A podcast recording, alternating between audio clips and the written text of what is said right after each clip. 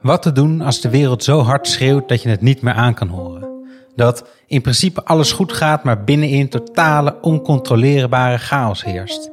Je weet niet precies wat, maar je weet dat het al helemaal mis is. Je voelt een schreeuw binnenin die er niet uit kan. Wat dan? Stap 1. Accepteren. De moeilijkste opdracht ooit.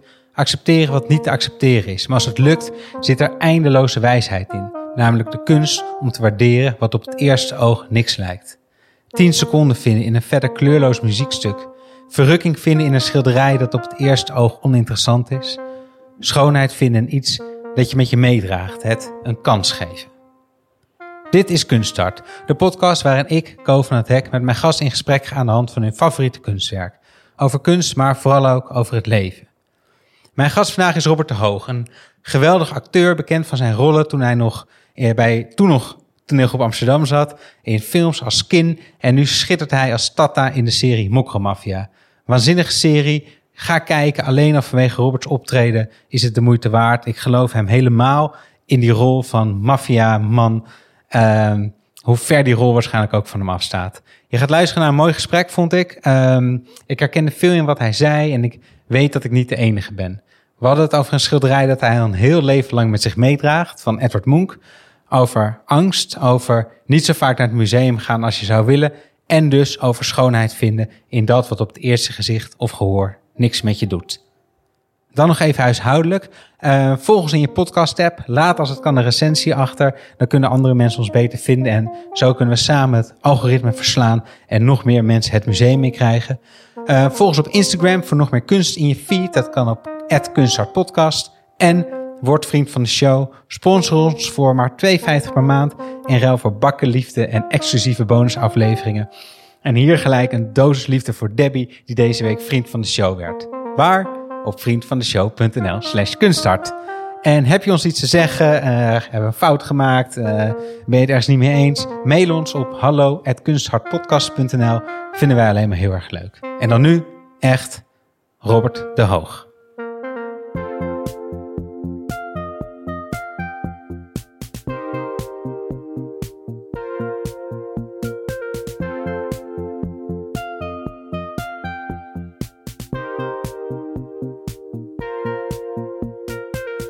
Robert de Hoog, goed dat je er bent. Dankjewel, leuk om er te zijn.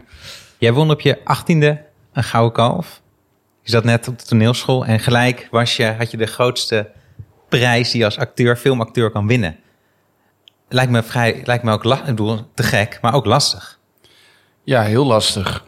Um, en dit, uh, dit voorbeeld komt altijd um, vaak terug in, uh, in introducties ja, van mij. Sorry, sorry. Nee, dat maakt helemaal niet uit. Maar het is, um, ik vond het toen destijds heel lastig. En uh, er werd op een bepaalde manier naar mij gekeken en op school met mij omgegaan. Dat was de jongen met het gouden kalf, dus die was er eigenlijk al.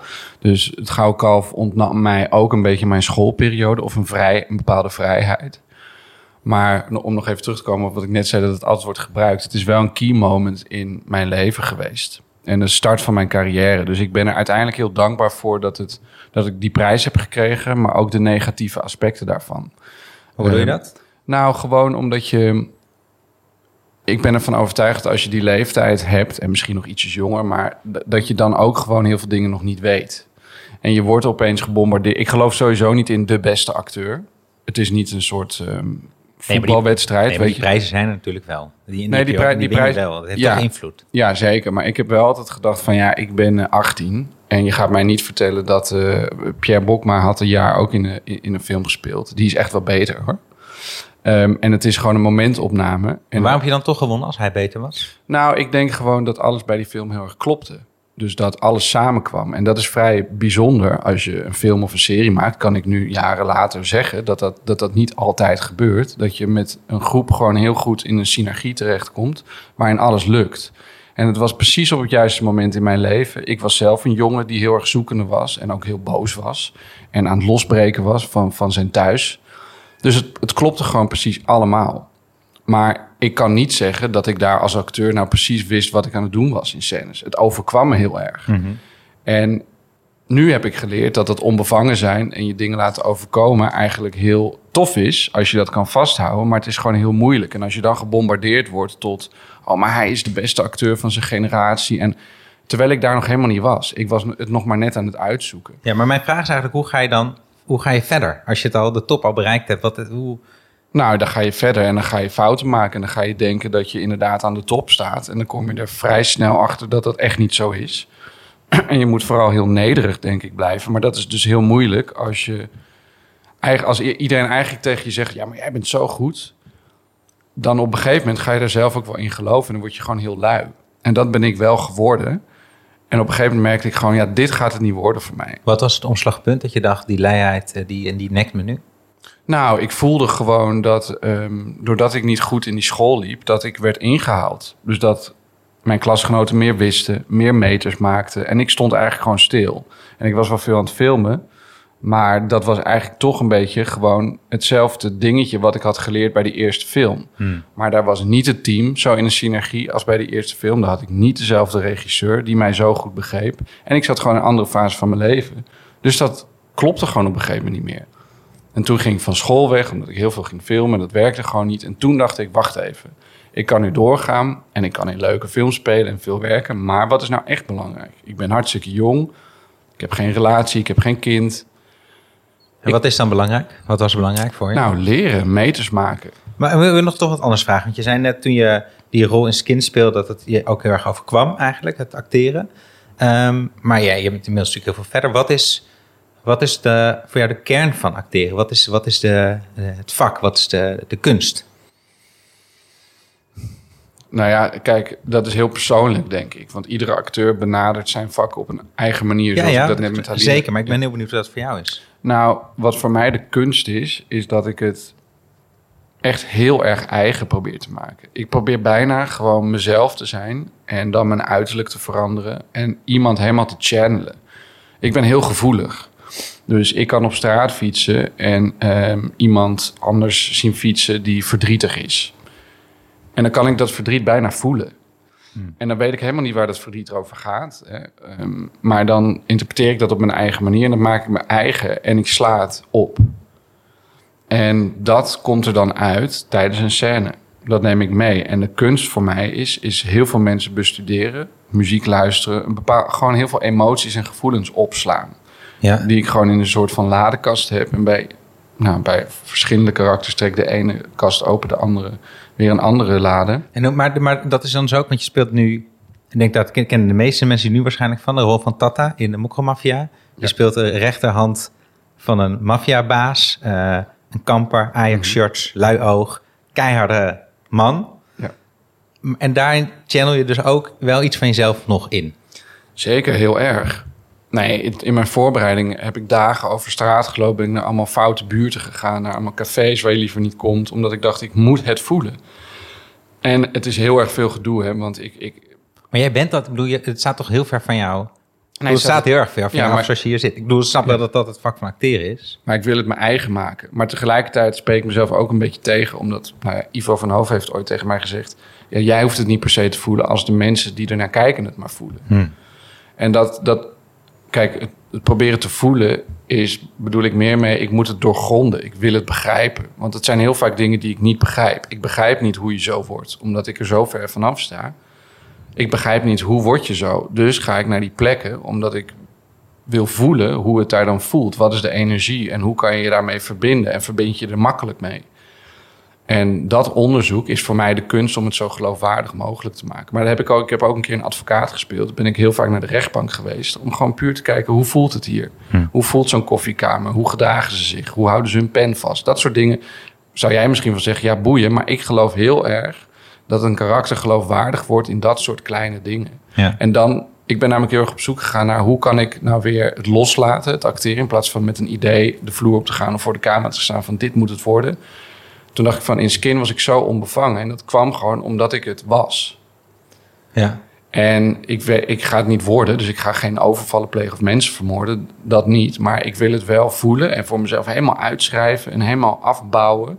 Zodat ik als ik op de set ga, het allemaal los kan laten en het gewoon ben. Heel goed. En we gaan namelijk, we gaan namelijk iets in je, uit jouw ladekast halen nu, denk ik. Uh, jij hebt namelijk je favoriet kunstwerk meegenomen. Het is de, een werk van Edward Munch. Gaan we het zo over hebben. Maar eerst gaan we luisteren naar Emma Waslander. Zij neemt ons in twee minuten even mee door het leven van Munch. In een sneeuwlandschap staat een man met een vikingachtig uiterlijk. Een blondrode snor en een serieuze blik in zijn ogen waarmee hij ons direct aankijkt. Hij draagt een witte blouse met zwarte stropdas en daaroverheen een dikke winterjas, want in Noorwegen kan het goed koud worden. Zo zien we Edvard Munch op een foto genomen ergens eind 19e eeuw. Hij wordt geboren op 12 december 1863 in een klein Noors dorp. Toen hij vijf was, overleed zijn moeder aan tuberculose en niet veel later stierf ook zijn jongere zusje aan dezelfde ziekte. Zijn tante neemt de zorg voor het gezin over en inspireert de kleine Edward om te gaan tekenen. Hij begint op zijn zestiende een opleiding techniek, maar hij komt er al snel achter dat hij beter af is kunstenaar te worden. Hij maakt aquarellen, tekeningen, etsen, houtsneden en kleine schilderijen en ook portretten van familieleden. Het leed en de confrontatie met ziekte en dood waarmee Edward opgroeide, zorgde voor een geestelijke onrust bij hem. En deze verwerkte hij in zijn vroege werk. Ik schilder niet wat ik zie, maar wat ik zag, zei hij, waarmee hij bedoelde dat hij zijn werk maakte vanuit de innerlijke belevenis. Edward Munch werd een pionier in de moderne kunst en voorloper van het expressionisme. Na een tijd veel werk te hebben gemaakt, kreeg Edward een zenuwinzinking. En hij werd opgenomen in een rusthuis in Kopenhagen. Toen hij wat was opgekrabbeld, begon hij weer met kunst maken. Maar nu maakte de persoonlijke wanhoop in zijn werk plaats voor meer optimisme. Als je al het werk van Munch naast elkaar zet, dan zie je dat deze veel stijlveranderingen heeft doorgemaakt. En dat zorgt ervoor dat hij niet precies kan worden toegewezen aan een stijlperiode, maar hij zich altijd heeft verhouden tot de tijd waarin hij leefde en bovenal leefde voor zijn kunst. Edward Munch overleed in 1944 op 80-jarige leeftijd. En het werk dat je hebt meegenomen is zijn bekendste werk, De Schreeuw. Ja. Ehm, voor de luisteraars, want die kunnen het natuurlijk niet zien. Ze kunnen trouwens wel in de show notes op een linkje klikken. En dan kunnen ze meekijken als ze het uh, niet kennen of als ze nou ja, nog een keer goed naar willen kijken. Uh, en ik wil het straks met je ook hebben over waarom het je zo raakt, want daar gaat het nou uiteindelijk over. Maar wil je eerst het beschrijven, gewoon hoe het eruit ziet? Ja, ik moet er wel bij zeggen ook dat er verschillende versies van dit uh, schilderij zijn. Ja, er zijn er vier. Ja, precies. Nou ja, wat, wat, ik, wat ik zie is. Um, ja, het, het voelt voor mij een beetje als een zon die aan het ondergaan is aan het einde van de middag. En um, er lopen mensen over een, een houten brug die over een water gaan, die uitkijken op een soort meer. Uh, de lucht is uh, oranje met blauwtinten. En voor op de brug um, staat een figuur. Of het een man of een vrouw is, dat, um, dat zien we niet. En het is echt gestript van eigenlijk alle kenmerken. Ja, het is bijna een soort skelet, hè, zoals je ja. een afbeelding van een skelet ziet. En die heeft uh, uh, de handen uh, tegen het hoofd. En die schreeuwt. Die heeft de mond wijd open en die kijkt geschrokken. Of um, nou, in ieder geval een hoog in de emotie. Ogen zijn wijd open. Ogen zijn wijd open. Ja, en die schreeuwt. En um, ja, het is een prachtig schilderij. En alle kleuren zijn wonderschoon. En het staat, die kleuren staan voor mij wel in contrast met wat er op de voorgrond gebeurt. Uh, want uh, het figuur heeft een zwart gewaad aan. Uh, is ge, ge, gehuld in het zwart. Ja. Um, ja, ik vind het een prachtig schilderij. Ja, wat ik, wat ik ook nog zo mooi aan vind, is dus die... Nou ja, het is een soort brug, een soort balustrade. In, in, in de, die loopt weg in de verte. En daar staan nog twee andere ja. figuren ook. Ja. Die afzijdig zijn van de, van de, van de figuur in het... Centrale figuur die in, in paniek is. Of in ieder geval waar het op lijkt. Ja.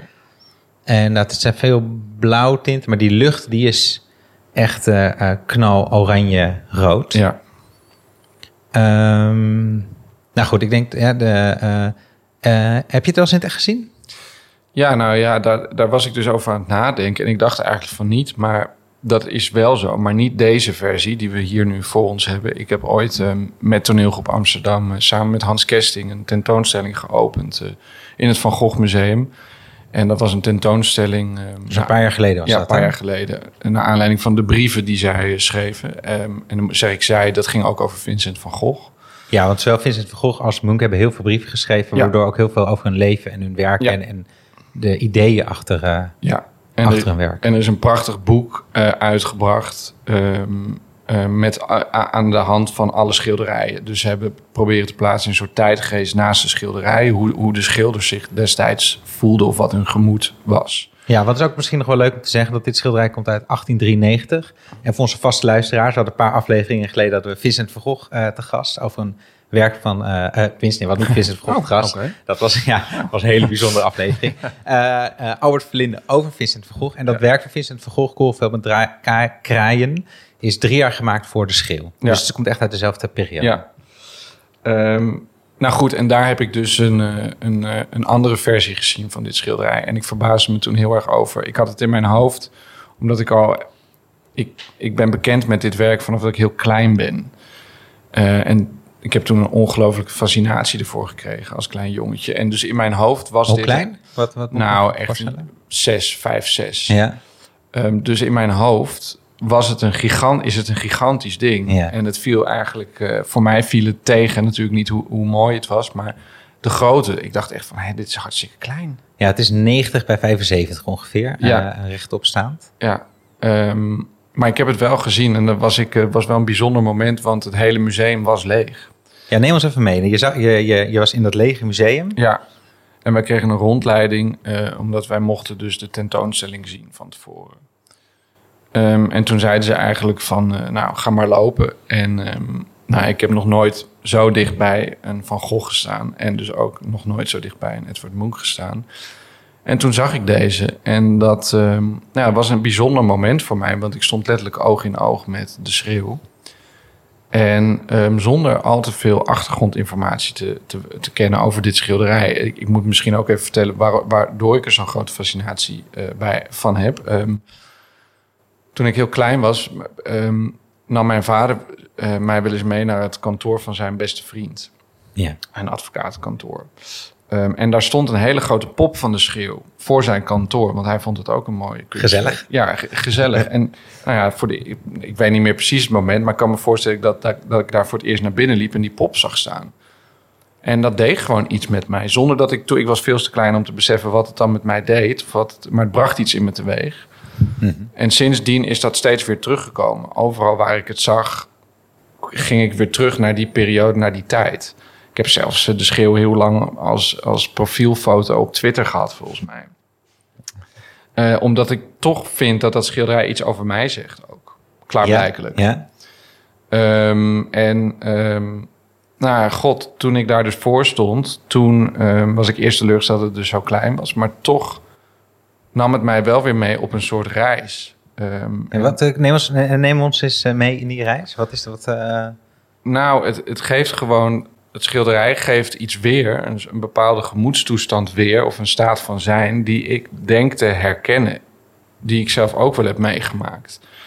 Ehm, en dus ik weet, ik weet geen, ik heb geen achtergrondinformatie over dit schilderij. hoeft niet. Nee, je precies. gevoel, bij zijn we benieuwd naar. Ehm, en het neemt mij mee naar een soort eenzaamheid. Iemand die radeloos is, die in zijn eentje wordt achtergelaten, die eh, de wanhoop nabij is, die het uitschreeuwt, die ook ergens verwonderd is of die helemaal open staat. Ehm, en dat herken ik wel in mijn leven. Die fases ben ik ook doorgegaan. En eh, daarom trekt dat schilderij zich zo in mij aan. En ik weet ook niet of dat iets over mijn karakter zegt, omdat ik het dus als klein jongetje ook al fascinerend vond, maar toen nog helemaal niet in zo'n staat van zijn was. Maar de, de, de openheid of de schreeuw van een bepaalde emotie en alle kleuren, ja, dat trekt mij ontzettend aan. Ik voel me er heel erg mee verbonden. Heb je wel zo op een brug met handen in het haar eh, staan schreeuwen? Of in ieder geval misschien niet letterlijk dat gedaan, maar wel die, die behoefte gehad? Of die, die innerlijke... Nee, nee, dat heb ik nooit gehad. Maar ik heb wel. Kijk, het, het gaat voor mij heel erg om iets innerlijks. Dit, dit, ik geloof niet dat dit, een, dat dit een verbeelding is. Van, hij heeft niet iemand zo zien staan en is dat toen gaan schilderen, denk ik. Dit gaat veel meer over zijn geest. Ja, Over- het, is, het, is een, het is een... Hij heeft er wel ook over geschreven dat het is een soort zelfportret. Ja, precies. En dat, dat voel ik wel heel erg. Dus ehm, ja, ik heb dat niet. Ik, het, is een, het is misschien een meta. Het zit misschien ergens een metafoor in die ik niet, die ik niet ken. Maar ja, het gevoel wat eruit knalt, dat herken ik gewoon heel erg. En dat heb ik wel eens. En daarom kwam dat schilderij ook steeds terug. Dan zag ik het weer. En dan dacht ik van, god, ja, zo voel ik me wel nu. En wat is dat moment. gevoel dan?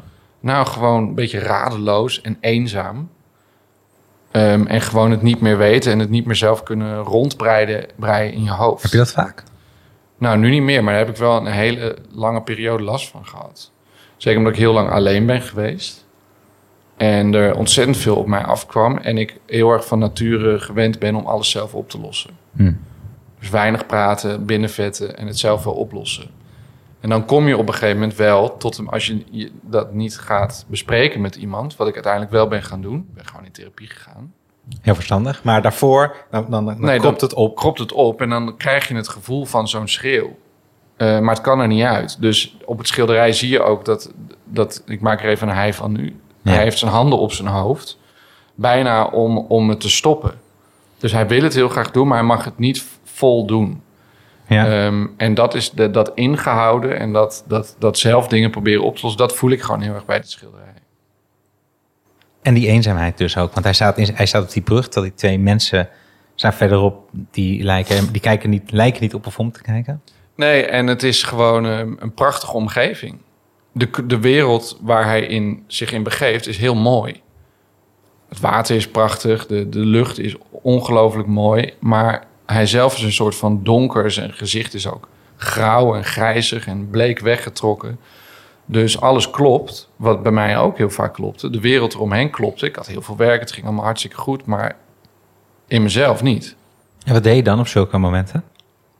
Ja, thuis zitten. Deuren dicht, ramen dicht, luiken dicht. Letterlijk en figuurlijk. Ja? Stoppen. Stoppen. Ja. En hoe lang duurde dat dan? Zoals dat dan? Nou, dat was soms eh, ging dat heel lang goed. En soms wa- was het weer weken dat dat eh, slechter ging. Mo- mo- moeite om uit bed te komen. Geen zin om uit bed te komen. Ehm, En welke periode was dit? Dit was... mm, ja, god, welke periode was dit? Dit was, eh, nou, laten we zeggen, zes jaar geleden. Ja, dus je was wel aan het werk. Als, je had, je, had- je Ja, carrière ging in principe allemaal goed. Ja, ik was heel veel aan het werk. En dat was wel heel fijn voor mij, want ik had heel veel afleiding. En dat kon ik zeker op het toneel ook wel eruit gooien. Ehm, maar ja, je komt toch alleen thuis. En dat, is, dat, dat was het vervelende voor mij. Dat alleen thuiskomen en niemand hebben... Kijk, met je vrienden kan je praten, maar je zoekt ook een soort van diepere verhouding met iemand. Mhm. Dan alleen vriendschap. Eh, maar het ging ook vooral over mezelf. Ik moest dat met mezelf oplossen. Ik kon dat ook niet uit anderen halen. Ik vond ook heel erg dat dat moet ik zelf oplossen. Toen ben ik ook in therapie gegaan ervoor. En er was ook niet echt iets ergs aan de hand. Er was niet een bepaalde oorzaak, maar het was gewoon meer een soort van gemoed waar ik in terecht kwam. Ehm, wat ik tegelijkertijd ook nu, als ik erop terugkijk, heel interessant vind dat ik dat heb meegemaakt. Ehm, en dat ik er ben uitgekomen. En dat zie je in dit schilderij niet. Iemand zit ook vast. Ja. Ehm, vast in dat schilderij. Daarom verbaast me ook dat er meerdere versies waren. Ik had in mijn hoofd dat er gewoon maar één was. En die anderen zien er ook anders uit. Je zien er iets anders uit. Ja. Ja. De, de compositie is ongeveer hetzelfde. De kleuren zijn wat verschillend. Ja. Eh, eh,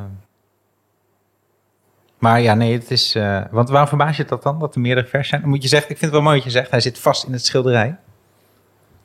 Nou ja, het verbaast me niet. Ik had het gewoon niet zo voorgesteld. Ik dacht gewoon, dit is één ding. En er zijn er dus meerdere van. Dat vond ik ook wel heel interessant, want hij heeft dus vaker geschilderd en ge- gemaakt. Ehm, en ik had gewoon, ja, God, in je verbeelding is, is er één heel groot ding. Ja, één heel groot werk. Ja, een heel groot werk. Een hele grote schreeuw. Ehm, en er waren dus meer van. En dat was ook helemaal niet erg. Dat was helemaal geen ding of zo. Maar verbaasde ik me toen over. Omdat Ja. je gewoon een voorstelling maakt hoe dat dan is. Soms is ook iets je voorstellen of daarover fantaseren... is het soms ook bijna jammer om het dan in het echt te zien. Ja? Ja, omdat het zo ging leven in mij. Ehm, en dan word je geconfronteerd met hoe het echt is. En dan kan je soms niet al die verbeeldingen daar opplakken. Hm. Ja, wat ik vond, ik heb namelijk toen ook gezien in het Van Gogh Museum. En wat mij eigenlijk vooral erg opviel, was dat ik het zag. En ja, ik heb natuurlijk eh, de afbeelding van het schilderij miljoenen keren voorbij zien komen, tot op broodtrommels aan toe. Ja. Eh, en dan zie je het in het echt. En ik vond het heel moeilijk om dan ook om, om te kijken, zeg maar. Om niet te denken, oh, dit is de schreeuw. En maar ook om echt te kijken naar hoe het gemaakt is. En, wat je nou, en om het op dat moment ook weer binnen te laten komen. Ja. Ja, het is, eh, het is een, een heel commercieel werk. Dus het is heel erg uitgebuit. En het heeft voor mij altijd, waar ik het ook zag, op welke broodrommel of button of t-shirt, wat dan ook, altijd hetzelfde effect gehad. Ja, want je, je, koos dit werk uit. Dat wi- wist ik al een tijdje dat we het over dit werk gingen hebben. En ik dacht wel ook een beetje, beetje saaie keuze misschien. Ja, maar goed, ik, ik geloof er ook in dat dat, ehm, dat dat is heel persoonlijk. Want het is misschien een heel beroemd schilderij wat je heel vaak hebt gezien. Maar die connectie, die ik, dat wist ik niet toen ik zes was. En toen is er een soort reis begonnen met het schilderij. Eh, ik had ook een heel erg eh, iets kunnen kiezen wat helemaal nog nooit iemand had gezien of wat heel onbekend was. En dat was misschien interessanter geweest. Maar voor mij is dit gewoon een schilderij wat mijn hele leven al een vrij belangrijk iets in, in mij teweeg heeft gebracht. En dat doet dan niet af dat het ook op broodtrommels staat. Nee, helemaal niet. Of nee. maakt dat het vetter misschien juist wel? Nou, nee, maar dat, dat, ik heb een bijzondere persoonlijke verbinding. En dat zullen andere mensen ook hebben. En misschien vindt iemand die zijn brood erin doet... gewoon, oh, wat een mooie kleur en wat een leuke dingen. Zo'n brood, boterham met pindakaas. Nou, dat met, een raar stemmetje. Ja, precies, ja.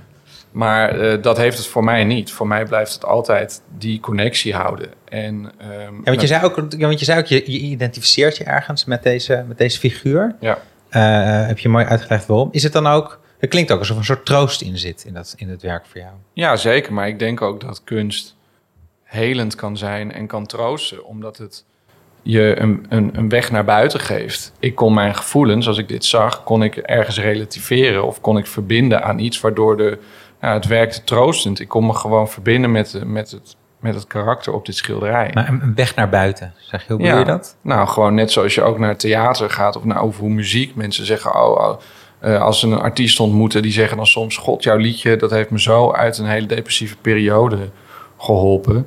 Omdat het gewoon je gevoelens kan kanaliseren.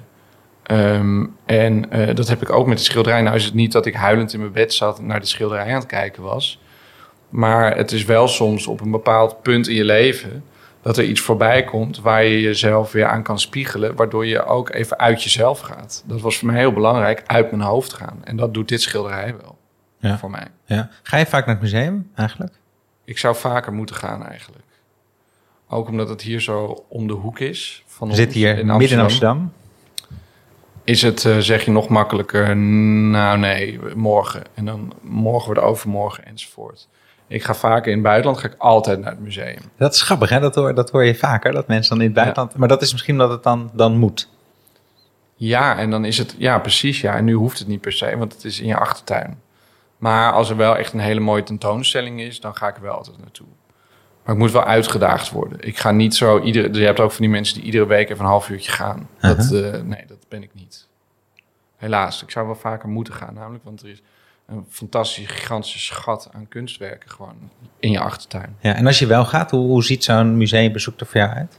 Wat voor, wat voor museumbezoeker ben jij? Ehm, nou, ik was altijd wel een vluchtige museumbezoeker, maar toen zag ik een keer bij de Wereldrijd door Joost Zwagerman. Die had altijd een heel leuk college, eens in de zoveel tijd. over- Prachtige colleges. Ja, prachtig. En die zei toen een keer van, eh, als je een schilderij stom vindt... of dat je denkt van, is niks voor mij... dwing jezelf dan eens om er een paar minuten voor te gaan staan. En dan ga je vanzelf dingen zien die je misschien wel raken. Eh, en misschien vind je het nog stommer en lelijker, dan weet je dat ook. Maar het, het kan je ook iets geven. Ga er niet zo lopende banderig voorbij, maar ga stilstaan gewoon ergens. Heb je dat wel eens gedaan ergens? Dat je, heb je Ja. een voorbeeld dat je een schilderij dat je eerst zegt "Mm", en dat je dat even jezelf dwong en dat er toen toch iets ontstond? Ja, zeker. Heb ik vaak gedaan. Omdat ik dacht van dat vind ik een hele leuke les en een leuke uitdaging. Ik kan niet per se nu een titel noemen waarbij ik dat heb gedaan. Maar je gaat toch dingen zien. Je ziet toch, nou als er heel veel mensen op een schilderij staan in de achtergrond. Dan kijk je meestal naar wat op de voorgrond. Ook hierbij. Je let eigenlijk helemaal niet op die mensen die achter op de... Ik noemde dat net ook. En passant er lopen twee mensen over die brug. Maar als je daar langer naar gaat kijken, dan zie je misschien een relatie tussen de hoofdpersoon van het schilderij en die twee mensen. En waarom lopen die weg? Dus je, je ziet geen gezicht of zie je wel gezichten. En wat gebeurt daar achter op dat meer zijn bootjes, lijkt het, lijken op bootje. Dus je gaat gewoon heel veel dingen zien. Ja, wat ik met die passanten bijvoorbeeld vind, vind ik een heel... Dat vergeet ik ook namelijk wel eens als je naar... Die, hij heeft er bewust daar geschilderd. Het is niet een, een Nee, foto waar toch twee mensen op de achtergrond stonden. Hij heeft echt Nee, twee ja. mensen. En, ik, en voor mij, in ieder geval voor mij, benadrukt dat ook echt de eenzaamheid van deze figuur. Ja, zeker. Toch, als je, dus als je, meer, als je langer kijkt, dan ga je ook dat soort dingen... Nou, en het is Zien. gewoon, zeker met zo'n beroemd schilderij, komen mensen kijken naar de schreeuw. Je gaat kijken naar de schreeuw. Ja. Je komt kijken naar het melkmeisje. Je komt kijken naar de aardappeleters, naar de nachtwacht. Maar als je naar de nachtwacht goed gaat kijken, zijn er zo ontzettend veel dingen die op de achtergrond zijn. Of er komt iemand onder een rok vandaan. En er zijn heel veel historische kenmerken die, die dan heel vooruitstrevend waren voor die tijd. En dat het heel erg. Nou, dan legt iemand uit van nou, dat hij dat schilderde op dat schilderij. Dat was echt lef, want dat had hem zijn carrière kunnen kosten. En dan denk ik van weet ik veel, maar wat super interessant. Ehm, dus door die les ben ik dat wel echt gaan doen.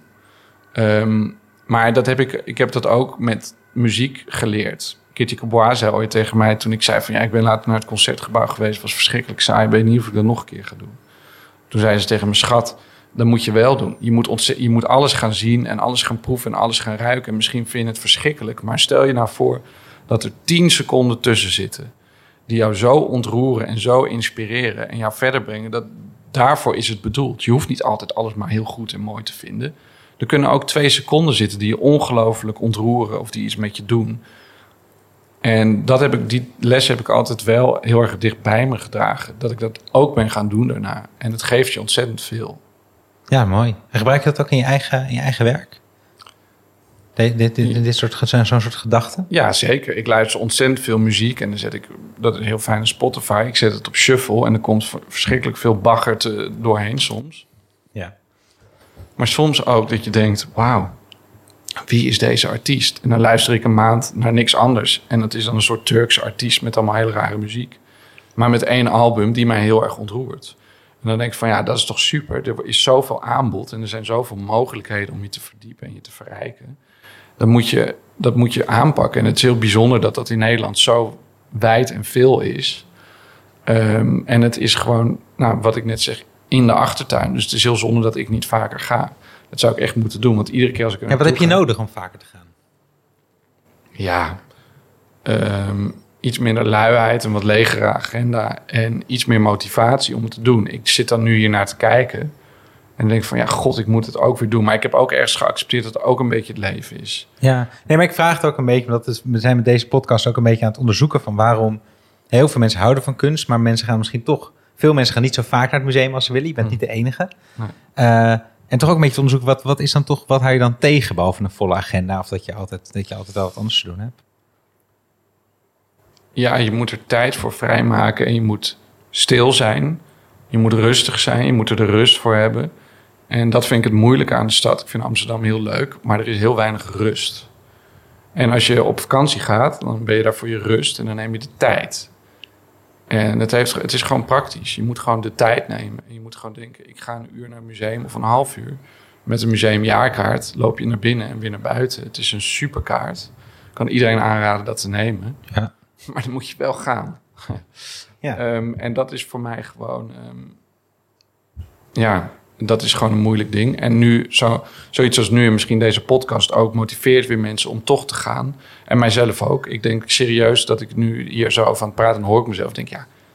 Je moet wel gaan, loser. Je moet nu wel gewoon naar het museum gaan. Dus dat ga ik dan doen. Maar er zijn ook fases waarin het gewoon niet gaat en niet lukt. En soms ga ik dan heel vaak.